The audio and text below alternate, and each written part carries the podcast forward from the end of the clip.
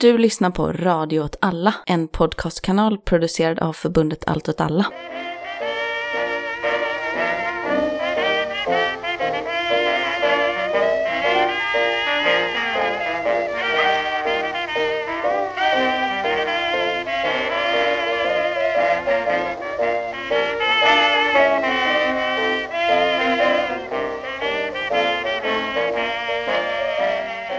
Hej, ni lyssnar på Vad händer Gbg? En podd om lokalpolitik i Göteborg från ett vänsterperspektiv och med mig har jag Jakob Jajamän. och Johanna. Hallå! Jag heter Martin. Hur är det med? Hallå eller? Ja, det är la bra. Så. Jag har inget att klaga på. Det är varmt och gött och Ja, snart är allt förbi. ja det är Med en... plugg och skit. du kommer ta examen förhoppningsvis. Ja, jag tänker inte jinxa någonting så jag säger inget. Men ja, om allting går enligt plan Ja. så blir det så. Vad härligt. Men det är varmt ute i alla fall. Så jag har bränt mig. Och nej. Mm. Jag ser ut som, eh, ja, ser ut som en dansk flagga liksom. Blekfet och röd. Jag fick ju kritik för att jag kallade danskar för feta i ett tidigare avsnitt. Så att, eh, jag kommer inte säga något mer om danskars Men vad, kroppshydda. vad är det i Du, du, gjorde det, du gjorde det precis exakt när gjorde du det. Men alltså, då är din sinnesbild av alla danskar som eh, palludans liksom. Ja, det, det, Blonda, feta. han är inte blond. Det är alla. Han är ju lite ganska svensk och alltså 50% svensk. Alltså, jag tycker att han pratar oerhört dålig svenska för att vara svensk medborgare. Mm. Ja, de Oj, förlåt, jag vet inte var det här kommer ifrån, men... eh, men för att ha typ en svensk förälder som jag antar att han har, så tycker Ja, jag men han uttalar ju det lite roligt. Vad ska du prata om idag, Jakob? Jag ska snacka lite om att Liberalerna tycker att det är en bra idé att ha ordningsvakter i Hammarkulle. Mm. Hammarkullen, Liberalernas favoritämne. Mm. Vi kommer till det. Mm. Johanna, vad ska du prata om? Jag tänkte prata lite om en hundraåring, nämligen Liseberg. Oj, spännande. Mm. Men först så brukar vi köra ett nyhetssvep.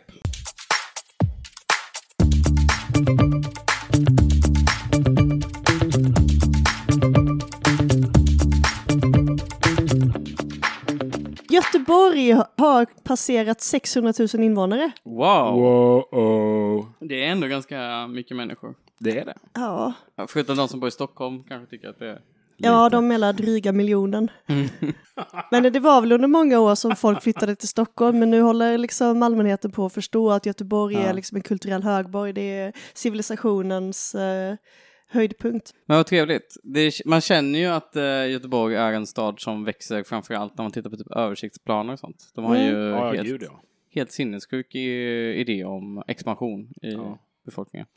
Hisingen, the place to be, säger Ja, jag. Vi pratade ju när Göteborg de facto fyllde 400 år så pratade vi om att det fanns en ambition om att Göteborg skulle växa med hela Halland, eller vad det var, hela Halmstad. Mm. Det är ganska mycket folk eller jättemycket yta.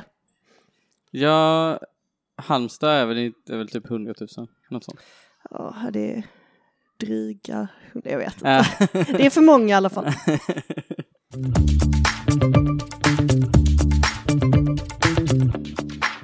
Så Hur, hur, hur är stämningen på öarna, Jakob?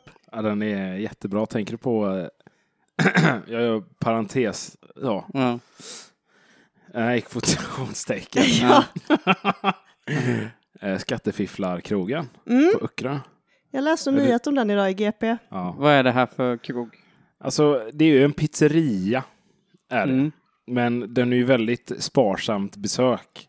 För att liksom vara väldigt snäll mot de ägarna. Ja, Och, men alltså, jag tycker det är rätt roligt att eh, första gången jag såg den dyka upp på GP, eller den Mm. artikeln, då blev jag så här, ja, ja, ja, men vad fan, det här har man ju vetat sedan man gick i typ åtta, nian. alltså, det, jag har varit där en gång och det var helt dött, liksom. Det var Mm. ingen där. Mm. Och pizzorna var ju relativt dyra. Så alla undrade hur, hur går det runt liksom. Så jag vill ju säga att GP Step up your game, ni är lite sena på bollen. så de här är skattefifflare. Det är en form av eh, Det är, pengatvätt. det är ju inte Bevisat. exakt. Men alltså man får ju lov att ha misstankarna. Ja, För att för oss kändes det väldigt ologiskt att det här stället liksom gick runt. Intressant att det är på Öckerö just en sån verksamhet finns. Om det har tagit så här lång tid för att någon ska liksom snappa upp det och göra någonting Mm. av det så är det ju det bästa stället. För Öckeröbor brukar alltid skryta om att det är lite kriminalitet och sånt. Det öarna. Skryta om kriminalitet. Nej, att det är, för, att det är, Det är lite. lite. Aha. Ja, Alltså grejen är ju att så det är inga poliser där tänker jag. nej, alltså sen när det är det så är det ju djungeltrumman. Ja. Alltså det finns ju en, eh, ja det är ju ingen hemlighet, men det finns ju en Facebookgrupp som heter Vad är polisen i Öckerö? Eller på Öckerö. Ett tips till alla Öckeröbor bor att uh, checka ut den Facebookgruppen. Ja, jag vet inte, alltså det är ju... Men sen är det också en annan grej att öbor är ju inte jättebenägna till att eh, ringa polisen heller om det händer grejer. Mm.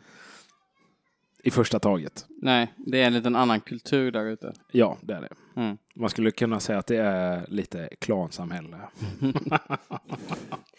Ja, den är ju känd också för att lyckligt ovetande turister går in dit, sätter sig och beställer eh, ja, en öl, en läsk, en pizza och så kommer notan och så är det så här tusen spänn liksom och så finns det inga, ingen men det- meny så riktigt eh, är tydlig med eh, vad priserna var från början. Så det riktiga rånet är egentligen, den riktiga kriminaliteten är deras pris. Det är rätt pris precis. Ja.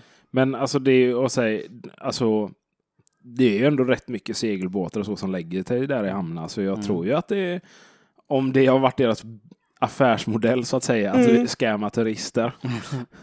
så känns väldigt europeiskt att göra för övrigt. Ja, Det gör ju ändå att jag får viss, ja, sympatierna från min sida växer ju förstås. Ja, hundra procent. Det är ju så här, då får man alla skylla sig själv så. Lite. Man får alla kolla vad det kostar först. Men enligt GP så är också hela restaurangen täckt av lappar med texten Vi använder endast Instagram officiellt. Övriga konton är falska, skapade av hycklare, nättroll, bedragare, lufthuggare, hatare, fegisar, mobbare, losers och sysslolösa avundsjuka personer.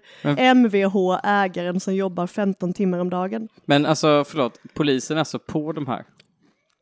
Men alltså Hamnföreningen har ju, vill göra sig av med dem för de är ju skojare liksom. De vill ha en bra restaurang. Det här låter som en jävla kung som har den här pizzerian. Och allt ni har berättat stärker ju bara aktierna i mina ögon. Så jag tycker att vi i den här podden borde officiellt ta, Ett ställning för. ja, Hamnföreningen på Åt Öckerö. helvete med er. Alltså, jag säger, vad heter pizzerian? Hamnens restaurang och brasseri. Hamnens restaurang och brasseri. Det är det bästa ni har på Öckerö. Oj, det där kommer att offenda väldigt mycket människor. Ja, vi har blivit en ökritisk eh, podd. Allt stöd till den restaurangen. Det här är den officiella åsikten, inte bara för Vad hände Gbg utan Nej. hela Radio åt alla. Ja, oj. men det betyder ju också att vi ger oss i fejd nu med Kronofogden när de antagligen med våld ska avhysa den här stackars mannen som jobbar 15 timmar om dagen. Free Hamnens restaurang och brasseri.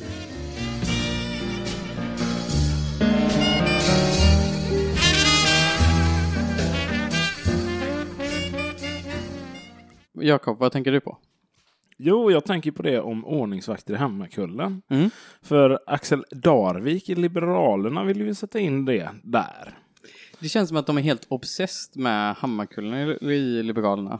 Jo, men det här har ju också i samband med Kal alltså Kalibers granskning utav eh, Alican-släkten. Just, det. Att det har kommit fram att det varit väldigt mycket eller så här, hot mot eh, kommunalanställda fritidsledare och Mhm. sådär och lite oroligheter på vissa gym och sådär i Angeredsområdet och Mm. ja. Så det är därför den här frågan jag antar jag fått lite mer luft under vingarna. Just det. Men eh, det, är ju rätt roligt i eh, just den de, han får en fråga där om varför inte han gjorde någonting. Just det, när han var ansvarig. Och då sa han att de har inte sett behovet. Så vänta, så Liberalerna har alltså gått från att inte se behovet av att göra någonting till att vilja typ riva hela Hammarkullen. Så här, här är, så är frågan. Ni styrde ju fram till årsskiftet. Varför ansökte inte ni om det då? Där svarar han, vi kanske borde ha gjort det, men jag tror också att saker och ting förändras. Det har varit lite motstånd från polisen och sedan har vi kunnat utvärdera hur bra det funkat i centrum. För de har ju också sådär att väktare får gå runt på Brunnsparken och Mm. bland annat Järntorget då. Tycker ni att det är liksom tryggare på Brunnsparken sen det infördes? Jag vill inte säga att jag hänger på Brunnsparken. Nej, det är väl så. just det. att Det är ju ingen som hänger i Brunnsparken som inte har eh, sociala problem liksom. Och där kanske man vill sätta in något annat, typ fler nattvandrare. Mm. Men det är också ett eh, eh, Jonas Attenius, Mm. Socialdemokraterna. exakt Socialdemokraterna, säger ju att det där är så här, ingenting som polisen egentligen vill ha. Nej. Man kan också fatta varför polisen inte vill ha det, för jag gissar på att det skapar ganska mycket problem att ha massa ordningsvakter som eh, skapar massa jobbiga situationer som sen polisen måste hantera. Ja, också det, men Mm. sen vill ju framförallt polisen att man ska satsa mer på förebyggande åtgärder. Så polisen har tagit en good guy-inställning här. Alltså just i den här frågan så har ju faktiskt polisen det, för att i de här eh, årliga rapporterna om eh, utsatta områden i Sverige, då skriver polisen varje år samma sak, att det här är inte ett polisiärt problem, det här är ett Mm. socialt problem, samhället måste gå in tidigare och ändå så blir det bara, bara fokus på kortvariga insatser i kommunerna liksom. Man kan också fatta att polisen har den inställningen för att de är ju där hela tiden. Alltså man borde ju till slut känna så här, det spelar ju inte roll, någon roll hur många vi är. Alltså efter några Nej. år efter att ha patrullerat. Ja, men då bygger det också på att okej, då måste polisen haffa någon för att Mm. liksom, innan de ska kunna hjälpa Mm. någon. Och det blir ju lite skevt. Ja, och jag, jag tänker också att ordningsvakter, alltså det, det är ju bara en provokation och de, deras roll kommer ju bara vara att skapa situationer och problem. Konfrontativa situationer som polisen sen ändå måste hantera. Så det kommer ju bara öka liksom otryggheten, tänker jag. Ja, sen finns ju också forskning som visar att när man väl sätter in väktare och sånt så ökar inte tryggheten men det skapar ett falskt behov av väktare. Jaha, Så att det blir liksom en ond cirkel där man bara slipper slope liksom där man till slut har väktare överallt men ingen blir tryggare utan i själva verket så är det bara slöseri med pengar och potentiellt eh, Nej, men ökad liksom. eh, är det Liberalernas eh, så här, arbets... Eh, eller sätt Just att lösa det. arbetslöshet Ja. Alltså vi har ju ändå många, framförallt många unga män som är arbetslösa. Mm. Och det skulle kunna vara, vara en arbetsmarknadsåtgärd att låta dem Exakt. arbetslösa vakta andra arbetslösa. Sen är Fast det, då är du ju inte arbetslös längre. Nej, precis. det finns ju också den här grejen att eh, du är gul men du ville vara blå som jag tror Färska Prinsen sjunger om att eh, personer som eh, blir väktare är de som är för kassa för att komma in på PHS, liksom, så Polishögskolan. Och för att bli nekad till Polishögskolan så är det ofta typ intelligens eller psykologiska tester man inte klarar. Mm. Så att det är ju människor som kanske man inte jättegärna vill ge någon typ av liksom våldskapital eh, Kapital. Mm. kapital till precis. Jag tänker också att eh, det är väldigt talande att Liberalerna har den här inställningen. Alltså vi hade ju Robert Hanna som sa att man skulle riva hela Hammarkullen. Mm. Nu säger eh, Axel Davik att vi ska liksom börja typ eh, göra det till någon form av eh, Robocop. eh, Det känns också som att delvis är det lite, lite märkligt hur man liksom så pinpointar ett område. Mm. Som är ju uppenbarligen de problemen som finns i Hammarkullen är ju inte på något sätt exklusiva till Hammarkullen. Nej, det finns ju precis. flera ställen i Göteborg. Men att man ändå så aktivt så pekar ut just Hammarkullen som problem. Och när Hammarkullen är en så trevlig plats. Ja, det är ju väldigt trevligt. De har ju fantastisk karneval till Ja. exempel. Ja. Det är väldigt mycket aktivitet, föreningsliv på Mm. Hammarkullen. Alltså det är ju en, jag tycker inte, det är en, faktiskt en av få platser som har så ganska mycket så social sammanhållning i Mm. området eh, jämfört med många andra områden i Göteborg. Så att jag tycker också att det finns en sån, det finns en verklig bild av Hammarkullen som kommer fram här. Det verkar som att de aldrig någonsin har varit i Hammarkullen på dagen, en solig dag liksom. Att det är liksom jättetrevligt. Och för övrigt så är det ju Göteborgs enda underjordiska Ja, spårvagnshållplats. just det. Ja, Sen ska man förstås inte glorifiera liksom, ett eftersatt område som har sina sociala problem. Liksom. Mm. Jag ska komma här och vara, komma med en annan bild, men jag Mm. tänker att det är ju så sorglig bild av politik det ger Mm. också att Axel Darvik eh, uppmärksammar Hammarkullen för att Sveriges Radio gör ett program om det. Mm. Borde inte våra kommunpolitiker ha bättre koll på staden de själva har styrt liksom, för bara något halvår sedan? Och det måste ju vara ganska svårt också att sätta in massa ordningsvakter om det är liksom ingen, man bara river allting och ingen är där. Det blir ju bara folk som vaktar. En Det blir jävligt många parkeringsvakter. Ja. Och till exempel så gick ju en bibliotekarie ut efter den här granskningen som Kaliber Ja. gjorde och sa att ni har ju lämnat oss ensamma fram till nu. Mm. Varför, ska, varför jobbar man liksom inte med sociala eh, insatser? Varför har man liksom inte fritidsledare på biblioteket, Mm. socionomer som man har i många andra städer? Mm. Varför kommer man nu med liksom väktare istället? Det finns ju så mycket man har kunnat jobba liksom relationsbyggande istället för att Mm. det ska bli en helt och hållet fråga om liksom ordning.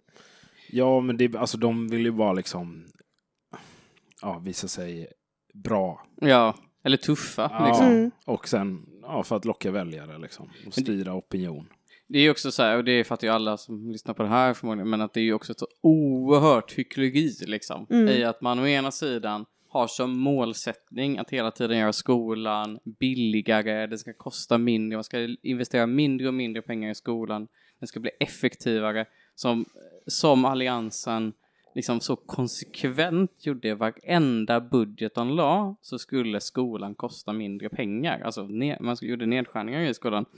Mm. Och nu säger man att vi är beredda att lägga massa skattepengar på att människor ska sitta och typ vakta andra människor. Liksom. Alltså jag, det är så, att det är så oerhört cyniskt liksom på något sätt. Och verkligen en sån idé om att det offentliga ska det är ju verkligen nattväktarstater det är Mm, liksom. ja, att, men det är det att offentliga ska göras om till någon form av eh, repressiv enhet. Där även kommunen som inte har den uppgiften ska ägna sig åt det. Nej, samtidigt som man både på riksplan och Mm. eh, när jag lyssnade på det senaste kommunfullmäktige Mm. så går ju högern ganska hårt åt Socialdemokraterna just nu för att försöka få dem att lova att inte höja skatten. Mm. Vilket också blir helt absurt Mm. i det här läget. För nu tror jag inte att, eh, jag upplever inte att uh, styret i Göteborg är riktigt lika veka, men till exempel Mm. Magdalena Andersson kunde ju inte överhuvudtaget svara på det. När svaret förstås är att enda sättet att uh, ens rädda liksom, det offentliga och inte Mm. hamna i situationer vi måste skära ner på alla delar av offentlig sektor är ju att vi någonstans prioriterar att höja skatten för höginkomsttagare till exempel för att bekosta vår välfärd. Det är så absurt. Mm. Har ni tagit någon än? Har ni slagit någon än med teleskopbatongen? Jag är gul men jag ville bli blå Mamma hade säkert gillat mig bättre då Men jag är gul när jag ville bli blå Men det blir aldrig bättre än så här ändå Ja, hörni. Känner ni hur eh, industrin i Göteborg bara växer och växer? Att vi är med en så, vi bor i en sån innovativ och utvecklande stad. Ja. Ja. Ja, jag vet inte om jag känner det. Nej, men du bor ju i Majorna. Ja. ja. det är sant. Det finns ingen industri där. På vilket sätt märker du det, Jakob? Nej, men du klagar ju alltid på att jag pratar om Volvo hela tiden. Mm, du gör ju det, Jakob. Du är inkvoterad Ja, för att men- du är en Volvo-man. Men det, det är ju också min största referens i arbetslivet. Nej, men de håller ju på att bygga en gigantisk logistikpark eh, Mm. i, i Torslanda, Ja. nära Volvo. Det är inte enbart för liksom, underleverantörer, men det är också typ Out North har eh, lagerlokal där, Mm. Bagaren och Kocken, Jolly Room. Alltså det är bautastort Mm. liksom för bara tre, fyra år sedan Mm. så var det ju liksom, ja det var en eh, så här typisk svensk landsväg där liksom. Mm. 80 kilometer i timmen, ingen eh, gatubelysning liksom, Mm. rak sträcka. Ja, men för det är ju väldigt intressant. Vi som är Hisingsbor tror jag märker av det ganska mycket jämfört med ni andra. Ja, nej, jag har ju en kille i mitt trapphus och så brukar eh, rulla spliffar. Det är också någon typ av produktion. Nej, men för att vi har ju pratat väldigt mycket om eventstaden Göteborg. Ja. Och det var ju en del av Göteborgs så här, gamla ekonomiska strategi. Så här att Göteborgs industri har ju avvecklats i ganska stor utsträckning. Speciellt om vi jämför med hur det såg ut för liksom, ja, 70-80-talet. Mm. Då varven och Volvo, Volvo hade väl liksom typ, ja, ett antal tiotals tusen personer som jobbade i fabrikerna liksom. Och SKF och allting Mm. sånt liksom. Som svar på det, på det här 90 och 00-talet så tänkte man så här, ah, okej men det är inte bara, i- det här händer ju inte bara i Göteborg, det här händer i Malmö, i Stockholm och så vidare. Att man tänker sig att Göteborg ska bli någon form av eventstad, ekonomin ska drivas typ av, ja men event, liksom typ. Mm. Justin Svenska Bieber. mässan och Ja, exakt. Got Event och ja. Och det är ju också det som hela grejen med Petter Stordalen som vi har nämnt. Alltså varför är det så viktigt att det byggs så mycket hotell i Göteborg? Jo, men det har ju just med den idén att Göteborg ska vara den staden som massa människor åker till för att typ se på Justin Bieber eller vad det är. Mm. Och, och att det är också ett stort eh, problem att Skandinavium inte är en tillräckligt bra arena. Så att Ja. Göteborg konkurrerar liksom inte med Stockholm och Oslo om, eh, om de stora världsartisterna. Så Beyoncé är ju i Stockholm nu, men rent logiskt så skulle Göteborg vara en bättre plats för det ligger ju i mitten i princip. Det ligger nästan tre timmar bort från Oslo, Stockholm och Köpenhamn liksom. Så att det vore ju liksom den bästa platsen för de stora världsartisterna Mm. egentligen liksom. Jag läste den näringslivspolitiska strategin som tog beslut om 2017-2018 som gäller fram till 2035. Och där nämns den här inte alls. Så det känns lite som att den här eventstaden-strategin har man egentligen från politiskt håll lite övergett. Ja, för det var väl ganska mycket en vision som Göran Johansson hade, alltså om Mm. man ser på det här evenemangsstråket som då Mm. är, är det från liksom Korsvägen Liseberg, eh, förbi Skandinavium och ner till Ullevi där. Mm. Den gatan är ju ganska död. Mm. Ja, verkligen. Alltså det är ju...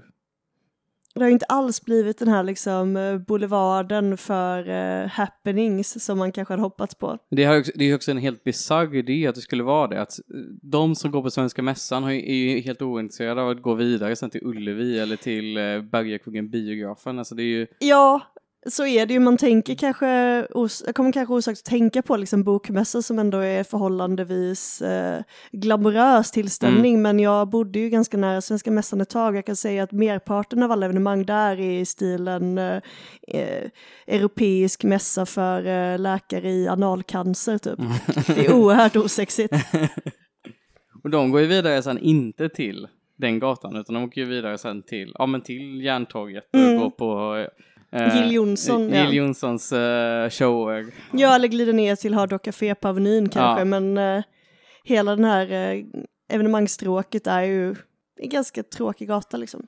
Och, ja, och det är väldigt intressant att å ena sidan så har vi liksom någon form av stadsutveckling som ändå går åt hållet, bygga fler hotell, alltså Mm. rikta sig åt den här eventstaden, men samtidigt så ser vi att ja, men det är inte alls det som man från politiskt håll egentligen är så fokuserad på.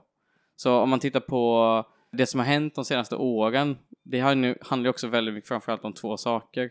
Delvis att den gröna industrin inom citationstecken har blivit väldigt mycket mer prior- prioriterad typ Mm. av EU. Men också av Stefan Löfven liksom, när Mm. han var statsminister. Att en av de sakerna som han skilde sig åt väldigt mycket från Fredrik Reinfeldt var ju att han trodde verkligen på någon form av industripolitik i Sverige. Och det kan man ändå se, tänker jag, de senaste åren, liksom i Skellefteå och, och framförallt liksom att det är mycket industri som åker till Sverige liksom. Och i Göteborg så är det ju jättemycket industri som kommer till Sverige. Eh, Det är Northvolt och Volvo som ska bygga batterifabrik ihop. Jajamän. Det är eh, ja, men den här logistikparken du nämnde. Det ska byggas eh, en fabrik för eh, elflyg i, på hissingen och så vidare. Och så vidare. Alltså det finns ju den här idén om att hissingen är in, en, liksom, the place to be. Och Göteborg är ju typ den viktigaste, en av de viktigaste industristäderna i Norden egentligen. För att den har hamnen och för att den ligger så nära Oslo, Malmö och, allt, alltså, och Jönköping som är någon form av logistiknod, liksom i Norden. Inom någon viss radie så finns typ 70 procent av hela Nordens industri i närheten av Göteborg, så den är en väldigt viktig stad liksom, eh, i industri. Det jag tänker på främst då Ja. med den här nya satsningen, Mm. eller nya satsningen, Mm. men att man vill bevara industrin i Mm. Göteborg. Det är också för att det är så stora arbetsgivare. Ja, Vad ska vi, vad, vilka andra arbetsplatser eller andra liksom ställen ska folk jobba på om Mm. Volvo skulle flytta sina fabriker? Eller om de skulle lägga ner eh, ja, mm. alla underleverantörer. Det är ju flera tusentals människor. Jag tror, jag tror jag läste i det här dokumentet, jag kan ha fel, men att runt så 25 procent eller 30 procent av all BNP liksom, i Göteborg är liksom på Torslanda. Liksom. Det är liksom, Mhm. det, eller jag tror det kan vara till och med mer, liksom, Mm. att, att, eh, eller att det var fordonen, att, att det var bara fordonsindustrin i Göteborg som var 25 procent, någonting sånt var det. Alltså det är en otroligt viktig del av Göteborgs ekonomi Ja. och är den här stora arbetsgivaren. Men det som är intressanta med de här nya fabrikerna som byggs är att i den här strategin som Göteborg har så verkar det som att då, då tänker man så här att vi har massa arbetslösa, vi ska ge dem jobb. Men det verkar inte heller vara den typen av jobb framförallt som kommer att finnas i de här stora fabrikerna som det kommer ha liksom flera tusen anställda ändå. Är det mer kvalificerade? Är det, ingen- är det fler Det är ingenjörer Fler som är på gång? ingenjörer. Ja, Det är det. Men det är ju därför man byggde upp Lindholmen Science Mm. Park och hela Mm. det liksom. och det märks också i SKF har de satsat en halv miljard nu på effektivisering och, och ja, Automatisering. automatisering. Så att liksom den typen av jobb verkar och fortfarande försvinna i Göteborg. Så att den här industrialiseringen är liksom inte den typen av industrialisering som man kanske hade hoppats på inom citationstecken eller något som hade åtminstone kunnat ge människor liksom ju- de, de vanliga göteborgarna jobb liksom. Mm. Utan det verkar vara mycket mer fokus på, okej, nu ska vi få in människor som är utbildade. Det här är egentligen en, en eh, tror jag, en ganska viktig dold grej i mycket stadsplanering nu. Så om vi tänker att eventstaden har varit någon form av underliggande tanke de senaste åren så märker vi se att det finns en nu en lite annorlunda men som ändå liknande tanke som är att okej, men för att vi ska få människor att flytta hit så måste vi bygga åt dem. Mm. Men då finns det en idé om att det behövs liksom evenemang, det behövs... Eh, Ja, men det behövs en viss typ av evenemang Ja, eftersom jag är poddens mean girl så Ja. kommer jag ju inte det vara för främmande för att påpeka att ingenjörers kulturvanor är ju inte folkets. När man skulle genomföra marknadshyror Mm. i riksdagen, eh, regeringen ville göra det, så i den utredningen så var det en av argumenten för att införa marknadshyror var att det behövs hyresrätter som nyinflyttad arbetskraft kan ha innan Mm. de köper sig en egen Ah, lägenhet.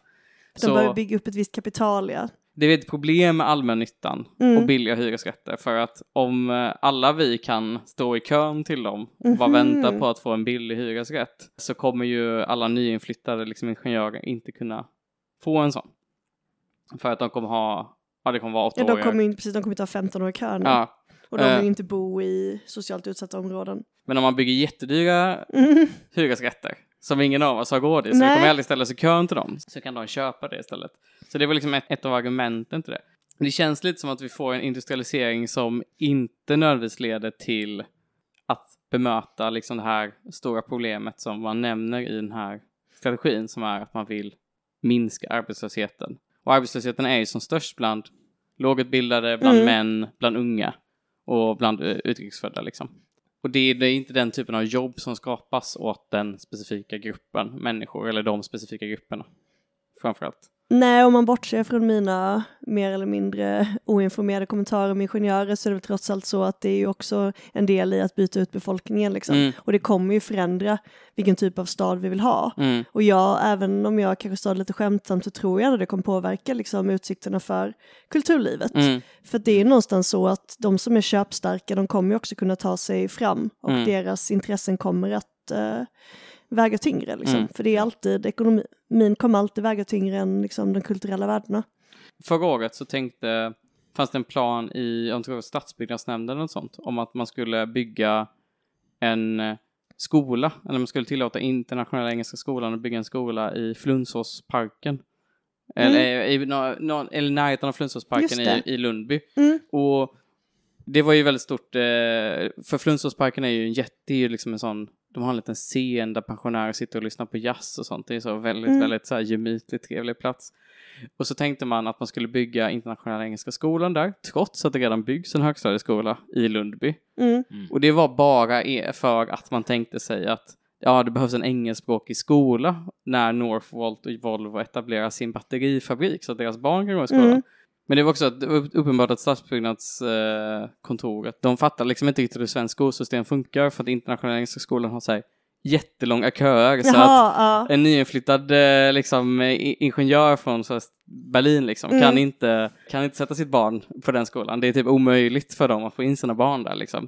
Så de måste gå i kommunal skola i princip. tänker också, det är ju alltså så här, det, alltså man bidrar, skulle man bygga då en engelsk Mm. skola, Mm. även om det skulle hjälpa eller inte hjälpa, så bidrar ju det bara till att ännu mer segregera Mm. staden. Liksom. Mm.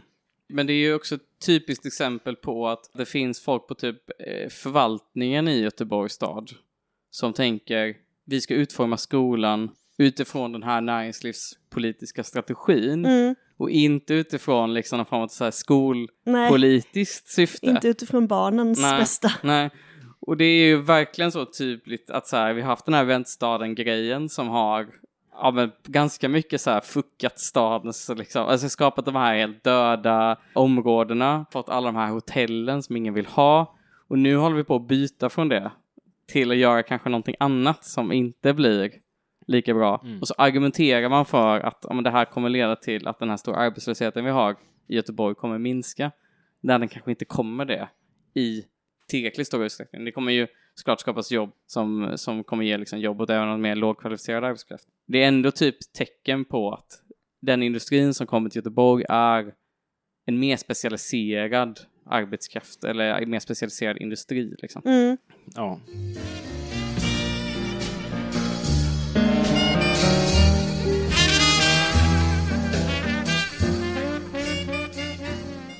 I år är det ju 100 år sedan 300-årsjubileumet, men inte Göteborgs 400-årsdag egentligen. Vänta nu, förlåt, kan du säga det här igen? Det här var väldigt svårt att hänga Ja. med. Eh, eller kanske inte så svårt. I år är det ju 100 år sedan 300-årsjubileumet, Ja, men 102 år sedan Göteborg fyllde 300 år. just det. För att precis som 400-årsjubileet så blev 300-årsjubileet framflyttat. Precis, och i måndags så fyllde ju en av Göteborgs trotjänare 100 år, Liseberg. Wow! Som invigdes i samband med 300-årsjubileet Exakt, som, var en del av jubileumsutställningen. som skedde 302 år efter Gö- Göteborg Exakt. grundades. Ja. Vad tycker ni om eh, Liseberg? Jag tycker om Liseberg. Men jag Ja. har inte varit där på ett tag, får jag ändå säga. Jag har ganska negativa erfarenheter av Liseberg ändå. Varför Eh, det? Men jag är liksom ingen, så jag är ingen berg och dalbana eller eh, så karusellkille heller. Jag har varit mycket på spelningar i Liseberg. Det är ju trevligt. Någonting som är lite speciellt med Göteborg också, det är ju att det är ju Göteborgs stad som äger det 100 procent. Mm. Enligt kommunallagen så får ju inte kommuner bedriva näringsverksamhet i vinstdrivande syfte. Men man får, Förutom eh, i allmännyttan. precis. Ja. Men Göteborg, Göteborgs Ja. stadshus AB äger ju Liseberg och Mm. hamnen och där ligger också Göteborgs Energi. Just det.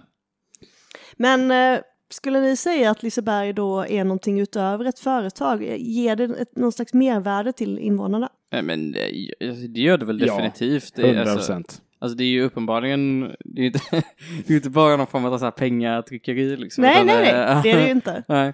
Nej men alltså vadå, vi alltså så här, typ Lisebergskaninerna, alltså Ja. så här, det finns ju väldigt mycket som Ja, men alltså det är ju nostalgi Mm. för otroligt många människor. Men sen är Liseberg verkligen en del av en eh, näringspolitisk strategi liksom, i väntstaden. Mm. Alltså Liseberg är ju en av de så här viktiga hotellägarna i Göteborg.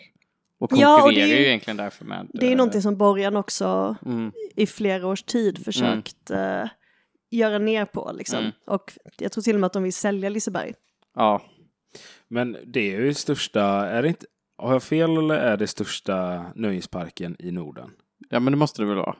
Gröna Lund kan ju inte... Det är väl Tivoli i Köpenhamn då kanske? Mm. Jag tror till och med Tivoli är mindre alltså. Ja. Men Hur många besökare tror ni Liseberg har då? Är det Oh. 600 000? 600 000! Exakt Varje göteborgare besöker Liseberg en gång om året. Ja. Alltså eh, miljonen skulle jag säga. Ja, tre miljoner ungefär de snittat de senaste åren, där förutom pandemin då. Just det. Så det är ändå ganska imponerande. Och, det men då, och då är det besök man räknar, inte individer. Nej, 300, precis, det där Ja. är väldigt, väldigt viktigt. Ja. Tre miljoner besökare. Mm. Varav, eh, jag har ju hört att eh, de mer bemedlade kidsen, att istället för eh, fritidsgård så har de ju årskort på Liseberg. så det är ju en plats där Ja. verkligen göteborgarna kan få leka loss. Göran Johansson, tidigare kommunalrådet, Mm. Rest in peace. Rest in peace. Ja. Han var ju en av Göteborg, Lisebergs största förespråkare. Mm. Han var ju styrelseordförande i flera år och eh, sa att eh, om barnen är glada, då är liksom föräldrarna glada och då har vi en lycklig stad. Och det var liksom Liseberg var ett av de starkaste vapnen för att skapa en enhetlig stad. Varför har vi inte skrivit in det i översiktsplanen? Varför har vi inte en näringspolitisk strategi som handlar om att få gladare barn? Jag vet inte det. Det är, alltså, det är faktiskt, Det är ju i och för sig Skagerrakbanan. ja precis. Recall till det avsnittet. Ja. Det finns någonting väldigt konstigt paternalistiskt i det på något Mm. sätt. Att man ska liksom, kommunen ska göra barnen glada genom en nöjesfält. Så finns det också någonting sympatiskt i det som är, även fast det finns massa andra gissar jag, motiv här. Men att, det alltså idén om att vi ska ha någon, ett nöjesfält för att vi ska få, uh, folk ska vara, ha något kul att göra Mm. liksom. Det är ju ändå, alltså det finns ju något, det är lite, det är en rolig idé liksom. Det är ju något fint över Mm. det faktiskt, att det är en del av liksom kommunens uppdrag att Mm. på något sätt skapa underhållning och Mm. glädje för sina Mm. invånare också. Ja, alltså jag tänker ju mycket på, har ni sett namntävlingen som de hade för att eh, innan Liseberg hette Liseberg? Jaha, va? Nej, Oj. GP la ut en eh, artikel som var så här, ja, från deras då namntävling som var då Mm. Anna Gröting som vann förslaget på Liseberg i en namntävling av Göteborgs-Posten 1923.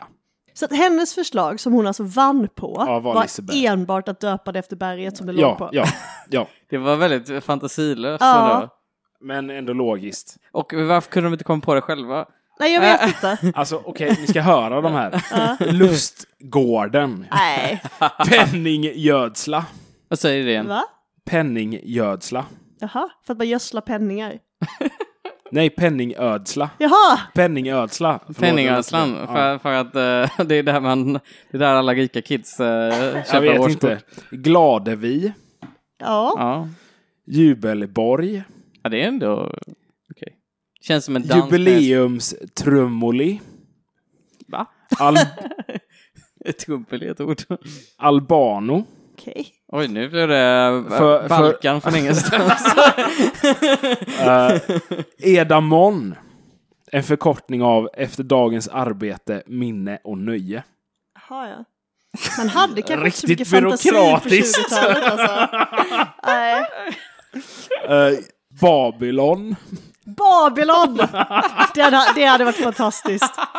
tidsfördrivet, De är väldigt mycket inne på liksom, att beskriva vad man gör på Liseberg, vilket är lägga sin tid efter jobbet.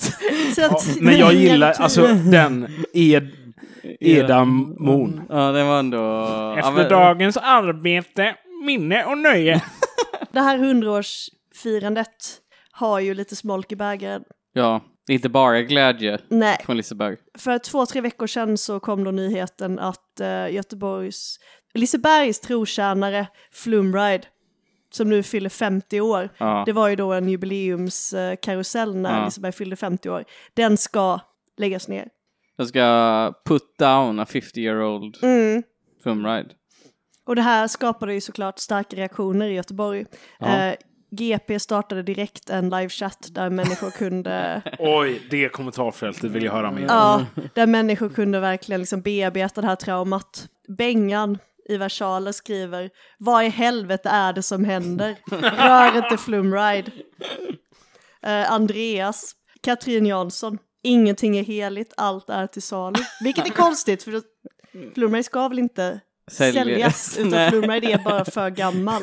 det, det, hade varit, det hade varit väldigt roligt om de sålde Flumride. Det här är...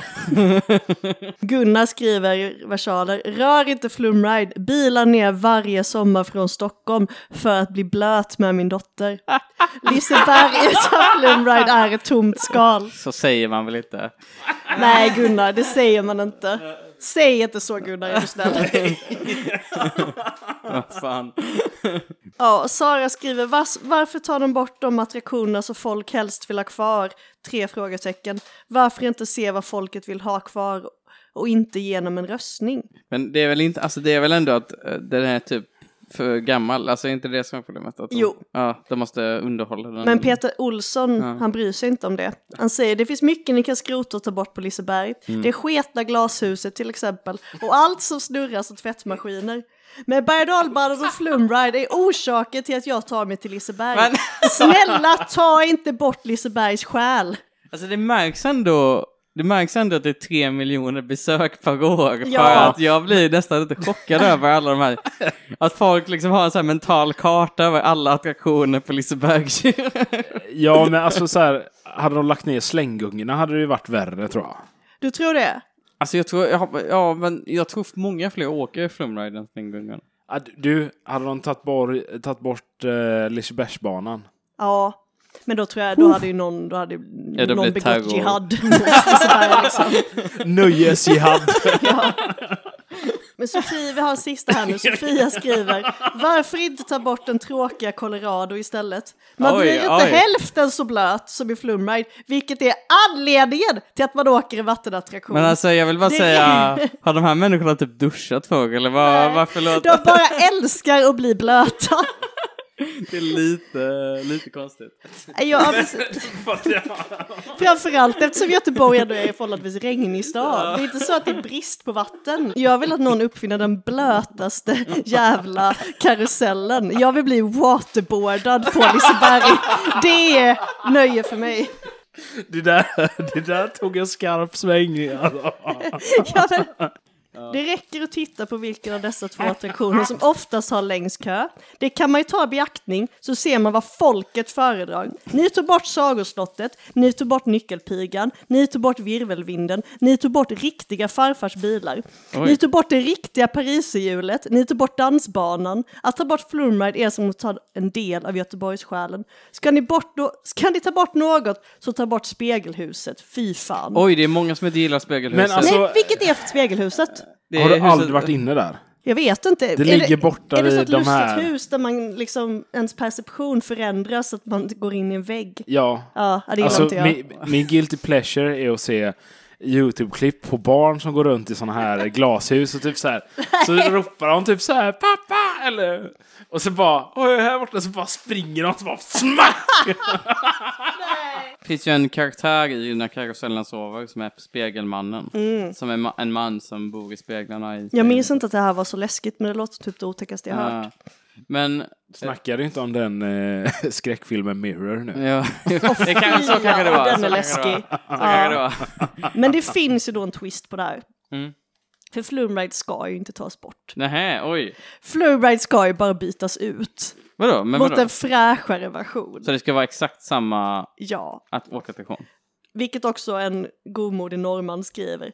Ja, men herregud, det är da icke världens ände. Liseberg ska ersätta Flumride med en ny Flumride. Och så skriver han det där. Han tycker vi är dumma i huvudet. Det är... Alltså ändå förståeligt, men jag, alltså så här.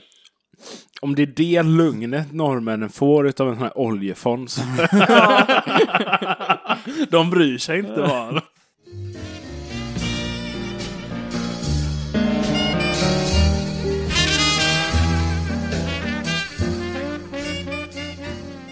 Men det var allt för oss idag. Men Mm. om, eh, vad blir det, om några veckor så är ju Göteborgs jubileum. Just Och det. då kommer ju kungen hit och firar sitt 50-årsjubileum som kung.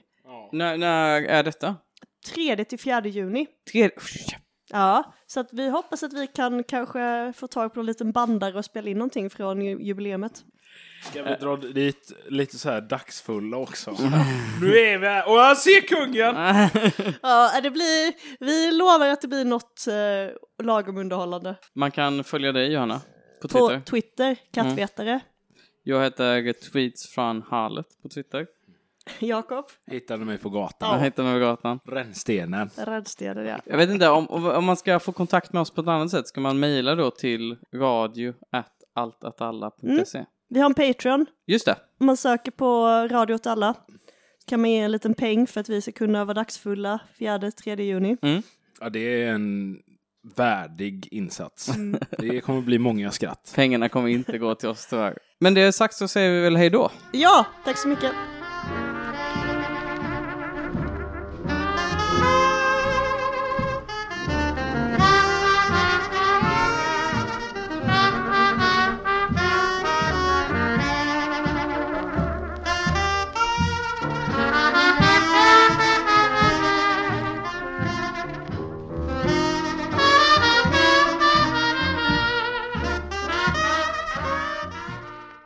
Göteborgaren Emanuel Rosvald åkte Flume Ride nio dygn i sträck. Nu reagerar han på att Lisebergs klassiska attraktion ska bytas ut. Det är vemodigt, man har ju vuxit upp med den, och funnits sedan man var barn.